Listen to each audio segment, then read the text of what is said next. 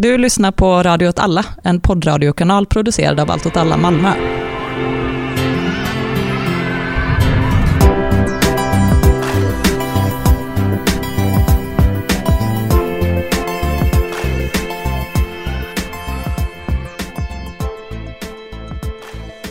Det gemensamma har funnits så länge samhället har funnits. Det har varit en central beståndsdel i alla samhällen, i all tid. Det gemensamma har alltid fungerat som ett kitt som håller ihop samhället och har under ytan löst de problem som samhällets generella logik inte kunnat.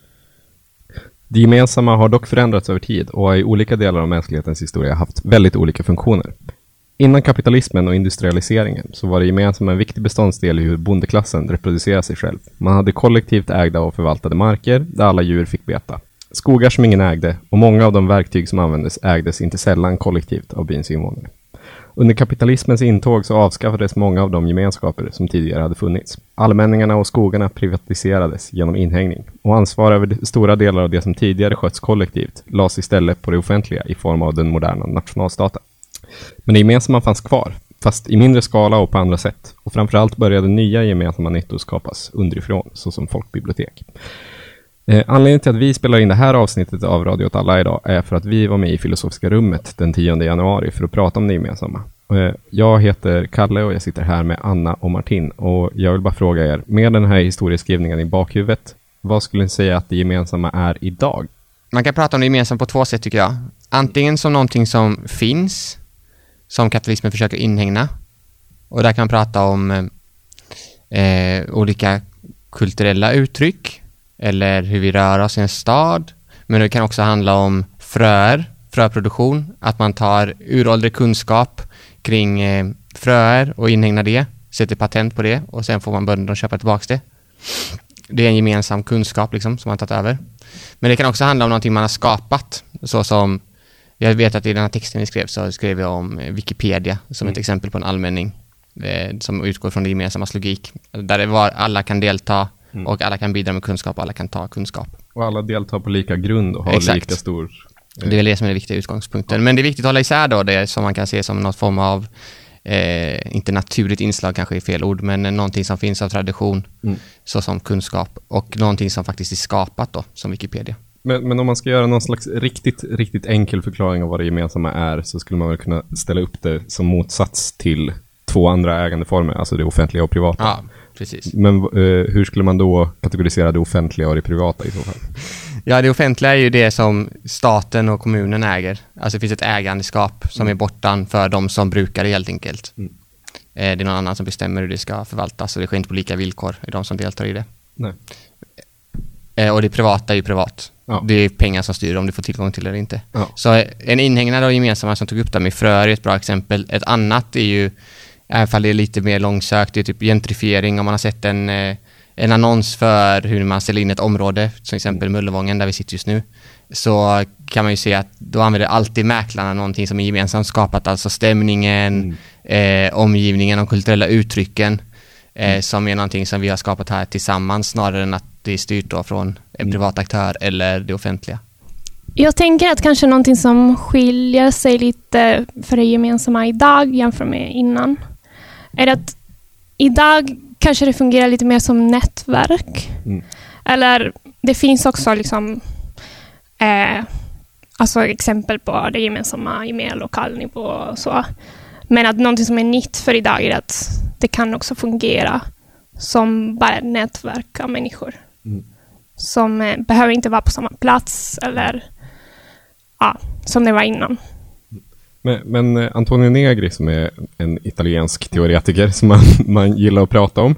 Eh, hans eh, huvudtes kring det gemensamma är ju till att börja med så måste man förstå det som någonting som inte bara är en så enkel kollektivt ägd eh, resurs, vilket det absolut kan vara, mm. eh, utan snarare att på svenska så har vi ingen riktigt bra översättning av det ord de använder på italienska och engelska, utan vi har det gemensamma, men vi hade lika gärna kunnat prata om allmänningar eller så allmängods. Allting, så, eh, allting sånt som vi har gemensamt som är underförstått på något sätt. Så språk är också en form av allmänning och mm. någonting vi har gemensamt.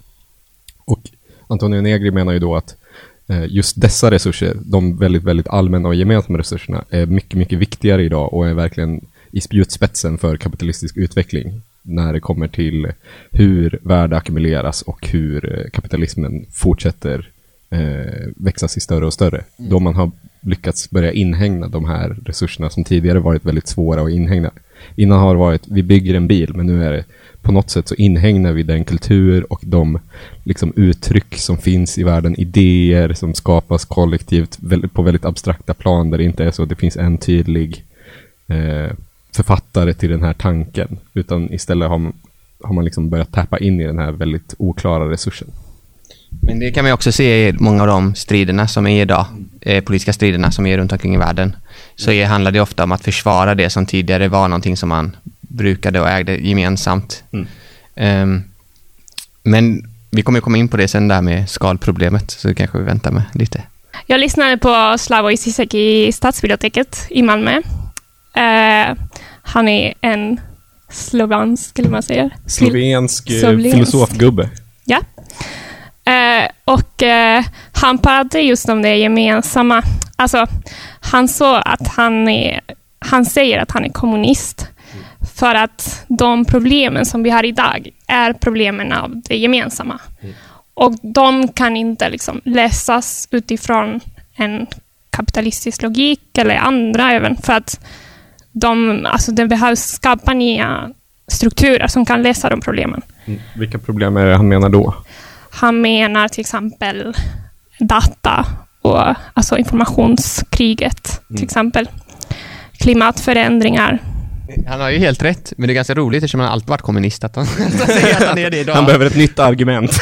Ja, men jag var kommunist 79, men eh, 2019 blev det på riktigt. Då började jag tänka på allmän... Nej, jag vet inte, jag köper, inte, eh, jag köper ju det han säger, men jag köper inte riktigt att, att det är anledningen till att han är kommunist. Det är vä- eh, väldigt, eh, det är en väldigt rolig kappvändning, som Ja, egentligen inte är en det är kappvändning. här, mm, hur ska jag pli, plisa de här 400 som kollar på mig här? De gillar nog det här med allmänningar, så jag, jag säger det här. Nej, vi gick inte på den Zizek. Vi gick inte på den. Nej. Alltså också på något sätt så har det alltid varit problemen. Alltså Ja, så. Det verkligen. gemensamma och hur, hur man eh, förvaltar det och, och alltså grejen är att idag har det blivit så uppenbar och det är liksom att det inte funkar under en kapitalistiskt system för att alla går under. Eh, att då måste man börja prata i sådana termer men det, är liksom, det har alltid varit samma konflikt. Men, men då har vi gått upp i den väldigt, väldigt stora skalan. Eh, vi har börjat prata om liksom, det gemensamma som politisk lösning. Vi har börjat prata om klimatkris som ett gemensamt problem. Eh, men jag tror inte man riktigt fortfarande förstår vad det gemensamma är. Så om man skulle liksom ta någonting vardagligt, ett vardagligt exempel på vad det gemensamma kan vara. Vad skulle ett sånt exempel kunna vara? I, eh, I måndags så ville jag se en film. Och- då, eh, och den filmen fanns inte på, på de här olika hemska, hemska sidorna jag har, där man kollar film. Så jag laddade ner den. Och det gjorde Vilken, jag... vilken film var det? jag var, alltså det, är det pinsamt? Nej, det är inte pinsamt så. Eller jo, det är pinsamt. Det är en killig film. Det är The Hateful Eight av Tarantino. Och jag kände jag sån eager att se. Men då laddade jag ner den i alla fall. Eh, och då... um, Och det är ju... Det blir som en gemensam resurs, för jag använder en uTorrent, Mm. som är en peer-to-peer-tjänst. Vilket innebär att när jag laddar ner så delar jag också filen. Mm. Och sen när jag laddat ner den så delar jag den till andra. Så att det medför att liksom... Mm. Eh, ja. Och det som händer är ju då också att det immateriella värdet, alltså, eller de rättigheterna som finns, eller det patent som funnits, det upplöser ju, värdeformen upplöser ju och vi delar från den här filmen. Och det är väl en ganska bra exempel på eh, Mm. att jag utnyttjade en common. Mm. Du, Av- du har liksom avinhägnat. Du har liksom Ja, jag har avinhägnat en, en inhägnad kulturprodukt. Mm. Det är och som var, det, var, det var inte så bra som minns den. Men ett annat bra exempel är väl just det vi var inne på innan, just det här med kultur och kunskap. Mm. Eh, att, att det är väldigt mycket saker som, som man ser som självklart tills det kommer Mm. eh, några stora företag eller IMF och bestämmer att det här måste privatiseras. Mm. Eller förstatligas för den delen. Mm. Eh, och det är väl ett bra exempel, men då är det ju mer typ som frökamper, Mm. gentrifiering, alltså Mm. att det är det som var innan Mm. det här eh, skedde, det var liksom det gemensamma. Eh, Jag brukar tänka kring det som för, för det är väldigt svårt att liksom eh, rita det gemensamma på en karta. Det är väldigt lätt att liksom kartografera var, vart har vi det privata och vart har vi det offentliga. Jag menar, göra en karta. Ja, ja förlåt, jag är lite, lite nördig. Men, men eh, eh, för det går, det går väldigt lätt att rita så. Här har vi ett sjukhus, offentligt, Mm. men här har vi en kiosk, privat. Medan det gemensamma är väldigt svårt att sätta i, inom så tydliga ramar, för det finns liksom, det flyter igenom alla de andra eh, Eh, och existerar liksom både bortom och inom och över och under på ett konstigt sätt. Och då, mitt nutida favoritexempel skulle jag säga är Rosengårds centrum. För det är ett väldigt intressant exempel, för köpcenter har liksom historiskt haft en väldigt eh, speciell funktion i Sverige, för att kommunen, bygg, eh, kommun och stat byggde dem eh, under miljonprogrammen. För att det skulle vara liksom allmän service. Här ska du få allt du behöver som människa boende i de här områdena. Du ska kunna jobba här, du ska kunna köpa det du behöver. Du ska också kunna ta del av eh, bibliotek, du ska kunna ta del av all, eh, annan service. Men det ska också vara en naturlig mötesplats. Eh, där du eh, kan träffa dina grannar och så vidare. Och det är ju någonting typiskt gemensamt, det sista, eh, sistnämnda. Att det är liksom där, den naturliga mötesplatsen i ett kvarter måste ju vara någonting gemensamt. Det eh, sker gemensamma utbyten där på ett sätt som är väldigt speciellt. Men ändå så är det eh, offentlig mark och numera är det till och med privat mark. Men det är fortfarande det mest eh, eh det, det är fortfarande den centrala mötesplatsen för människor boende i de här områdena. Eh, vilket jag kan tycka är väldigt spännande just hur det gemensamma har funnits kvar men under helt olika villkor. Det förändras hela tiden. Det sätts in väktare, det sätts in kameror.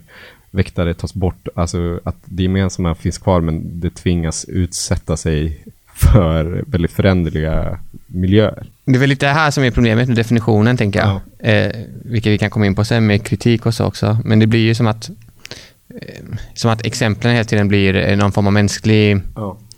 närvaro och mänsklig kultur. Mm. Alltså, så så här, det är klart det uppstår en gemensam plats så fort man måste vara någonstans. Och då, eller så. Fast jag tycker inte så det... ja, men om du ska gå och handla då på... Om man måste gå och handla där och sen måste man gå till apoteket och sen kanske man går till ett bibliotek som är där. Alltså, Mm. Då är det ändå så att det är ingen, det är ingen allmänning i bemärkelsen att den är skapad av en annan logik än, än samhällslogik heller. Nej. Så den, innebär, ju- den innehåller ju inte en... Alltså, det, till sin form innehåller den ju inte en... Eller det innehåller ju en radikal potential eftersom det är bara en plats där folk samlas. Mm. Men det är ändå skapat utifrån en varulogik. Mm. Eller Men- förstår ni vad jag menar? Fast jag tycker att det där är en konstig schematisering. Men eh, Anna vill prata. Nej, för att jag tänker att det är lite det som är vår utmaning, att göra det gemensamma materiellt också. Att det ska inte vara bara någonting som är liksom i luften. I, i engelska säger man typ så public domain. Japp. Och det är en, koncept som inte är kopplat till liksom, en plats, utan det är någonting som händer. Och det är, alltså, det är just mötet och det är liksom det, när det gemensamma skapats. Och det kan skapas liksom var som helst. Det, var som helst kan det finnas public domain, som i Rosengård centrum. Men egentligen så, så blir, alltså, jag tycker att vi har en utmaning att göra det till någonting som vi kan se på en karta. Mm. Och det, ehm, jag läste just idag om ehm, en text från Dolores Hayden, där hon liksom, hon tänker ut en, en eh, stad som inte är sexistisk. Och typ, eh, det hon gör är att hon, hon pratar om att hemmet är skapat utifrån liksom privat egendom, men också liksom hur den förvaltas ska vara privat i det sättet som det är skapat. För det, det har ett check till exempel. Och det innebär att då matlagningen blir någonting som måste ske inom det hemmet. Och det Mm. sker inte i en liksom, gemensamt plats eller under en gemensamma liksom, förhållande. Så hon tänker ut ett system där till exempel eh, en grupp hem i ett kvarter går ihop och då måste man bara ha ett kök. Man behöver inte ha flera. Mm. För då kan det köket eh, alltså, göra matlagningen till hela kvarteret. Det är ett sätt att tänka på det. Alltså att, eh, och det är liksom viktigt för att det materiella liksom, det är det som, som liksom reproducerar samma liksom, beteende och samma... Så att vi kan inte liksom, förändra hur vi lever. Men jag, men jag tror det är viktigt att bära med sig det här eh, som vi är inne på. Jag, tror, jag tycker det är ett intressant spår. Mm. Eh, jag, jag vill också bli kritisk till att jag är så schematisk, men, men eh, just att liksom det, själva logiken bakom behöver inte vara det krävs liksom ett görande i det gemensamma, tänker jag. Alltså man måste poängtera det, att det är liksom, eh, det, eh, att man måste politisera det. För man kan gå till polisen i Malmö Mm. och de har någonting där man kan lämna en bok och hämta en bok. Är det då en radikal allmänning? Skapas något nytt där? Troligen inte. Men däremot om man gör en bokallmänning på en plats som styrs tillsammans, eh, där man liksom diskuterar ehm, vardagliga problem i området och själva anledningen till att man går dit är att hämta den här boken och så skapas det här samtalet. Då är det ju en radikal potential. Alltså att man försöker se det politiska uttryckssättet också. Mm. Och, och det kan också vara en materialisering av det gemensamma. Jag, jag tycker ju dock att du har fel. För jag, jag tänker att, eh, att man måste inte ha en sån himla vänsterinställning till det gemensamma. Att man bara ska se det gemensamma och allmänningar som eh, oh, det här är en ny plats där jag kan gå in med mitt lilla flygblad och prata om saker. Det, det tycker jag absolut man ska göra. Liksom. Men jag, jag tycker också att man måste kunna förstå eh, det gemensamma som någonting politiskt på, från ett slags större plan. Att det finns också en politisk uppgift i att bara eh, se eh, det gemensamma i de utrymmen där det gemensamma inte får uppfylla sin eh, maximala potential. Till exempel ett, eh, ett förortscentrum där det inhägnas och där det eh, tvingas råda under helt andra logiker och sen fritar man det på olika sätt. Man kan exempelvis kasta ut de vakterna. Alltså, vi kan också till exempel ta de böckerna från snuten och ge till oss själva. Det är också ett fritagande av den allmänningen. Men, men du fattar vad jag menar, att jag tror att man måste, att, att det finns ett egenvärde, inte bara i att det är en ny mötesplats eller ett nytt sätt att diskutera, utan också i, i själva praktiken, allmänning, så finns det någonting väldigt radikalt. Jag är skeptisk till det. alltså, jag känner att du utgår från att vi är fria människor som verkar i en fri värld. När som helst ska vi ta över Rosengårds centrum, göra det till... Det är, liksom, det är inte så. Och, det, och, och liksom våra... Alltså, även om... Det är klart att man har liksom en viss rum där av liksom aktion.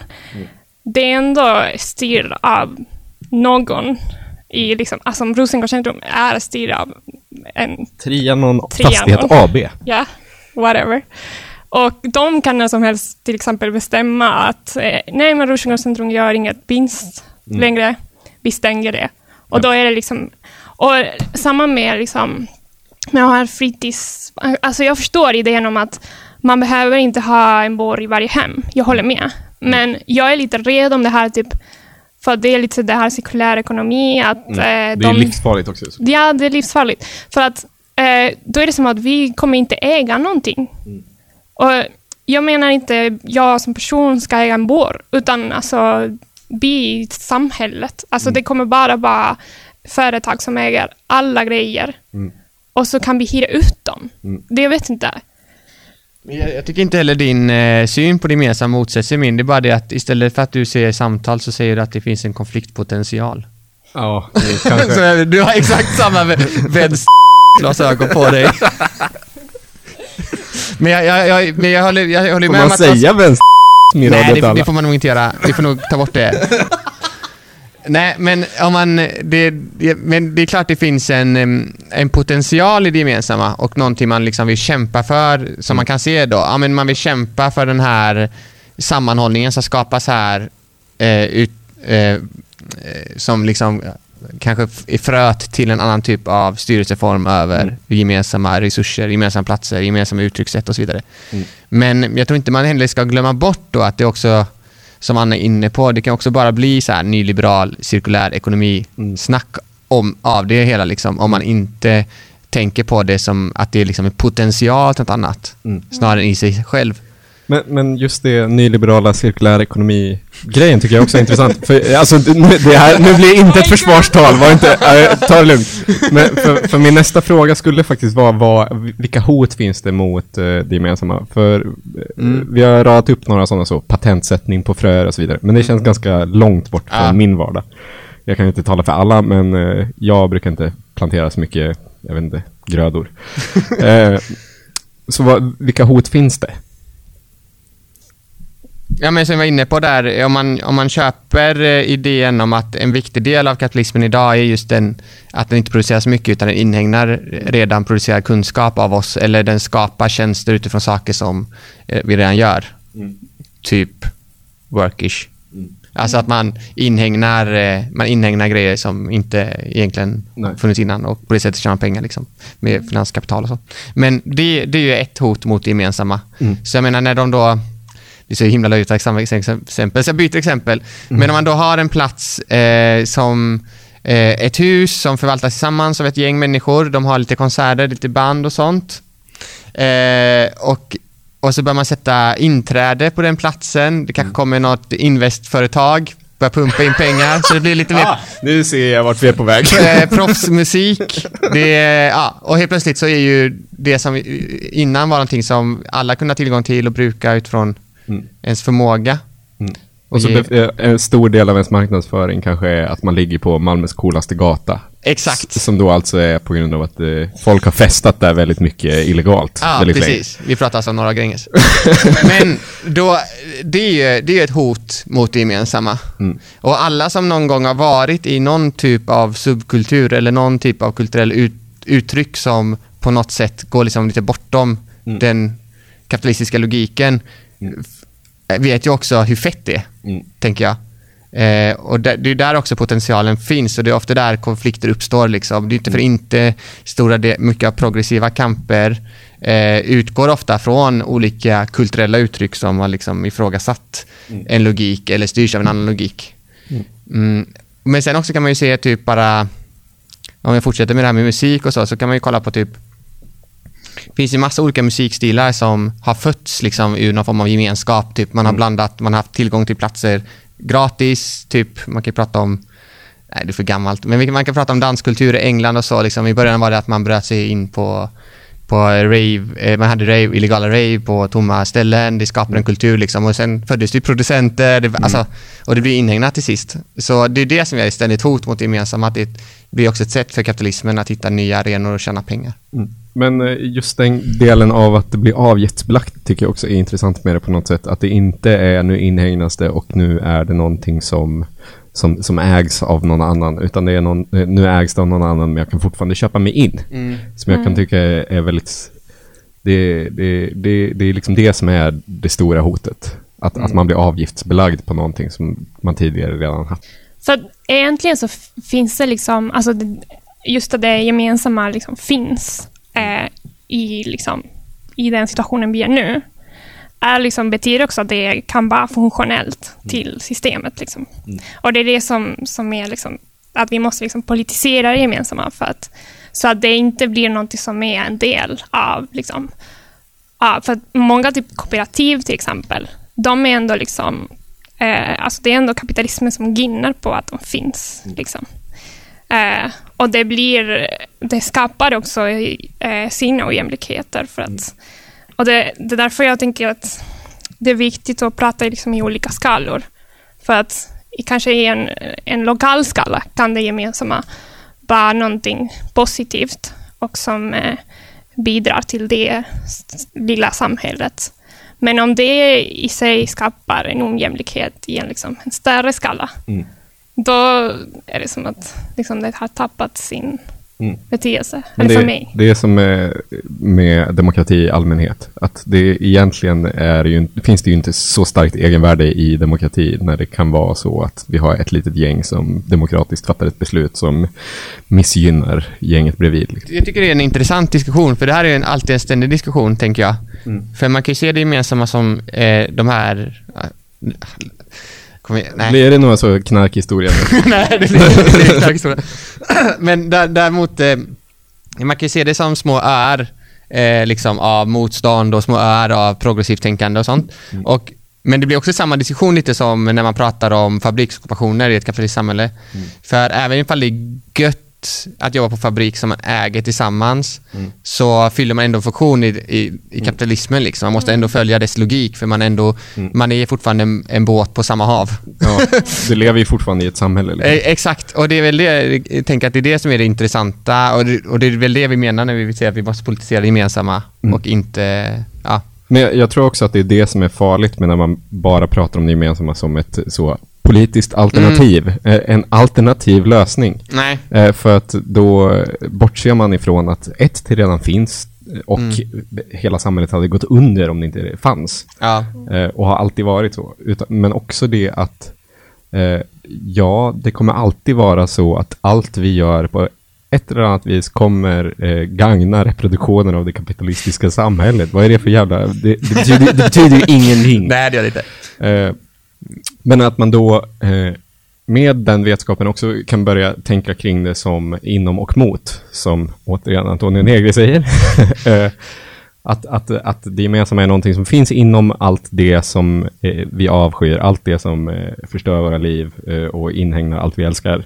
Men att det också eh, på något sätt går bortom det, att, att det in, har en inneboende potential att kunna eh, vara någonting helt annat. Och framförallt så är vi nu i en situation där kapitalismen inte bara liksom inhägnar som någonting så, oh det är dåligt, det har varit bättre om ni, utan det är så, när man inhägnar så dödar man också all potential. Alltså, för att återgå till det här med pirat, piratkopiering.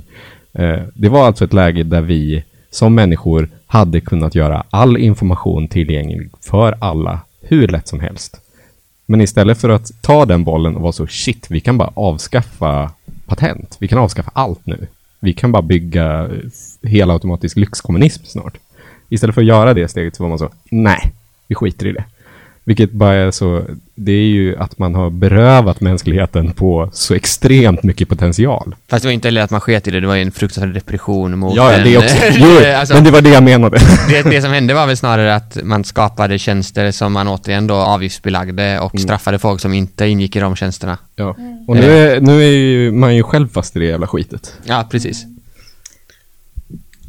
Ja, för att jag tänker att hela liksom, poängen med att prata om det gemensamma är att det är någonting som istället för att begränsa oss, det öppnar upp för liksom, nya möjligheter. Men att det liksom, alltså allt annat är bara begränsande i våra liv. För att vi kan inte liksom bestämma över vart vi lever eller vad vi äter. Eller, och det gemensamma har liksom den potentialen att liksom ge oss plats och liksom kreativitet för att skapa det vi vill tillsammans. Liksom. Men, det intressantaste blir, tycker jag då, om jag sätter på mig de här vänsterglasögonen igen, det blir också när det blir en, ett sätt att ta tillbaka saker. Alltså typ som i Napoli när de ockuperar hus och så bestämmer borgmästaren att ja, men ni får de här husen så länge det är till hela stadens gagn. Så, så länge det är en gemensam nytta. Ja, precis.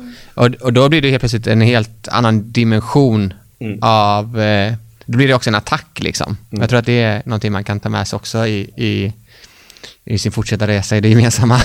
att, eh, att just det här att, attackdimensionen, liksom, att det inte bara handlar om att försvara någonting som redan finns, utan det handlar också om att ett sätt att gå in och bryta loss delar av, av den kapitalistiska reproduktionen och göra den på ett annat sätt. Nu har vi pratat jättemycket om det här med att vi måste se det gemensamma politiskt och så vidare. Men vad, vad betyder det? Vad är det vi gör? Alltså, är det att vi piratkopierar mer eller är det att vi gör någonting annat? Vad, vad ska vi göra? Jag, jag, jag, jag tror att mycket, mycket idag handlar om att, eh, att skapa politisk agens hos människor. Alltså att få människor att överhuvudtaget tänka att man kan göra någonting överhuvudtaget eh, i dessa tider.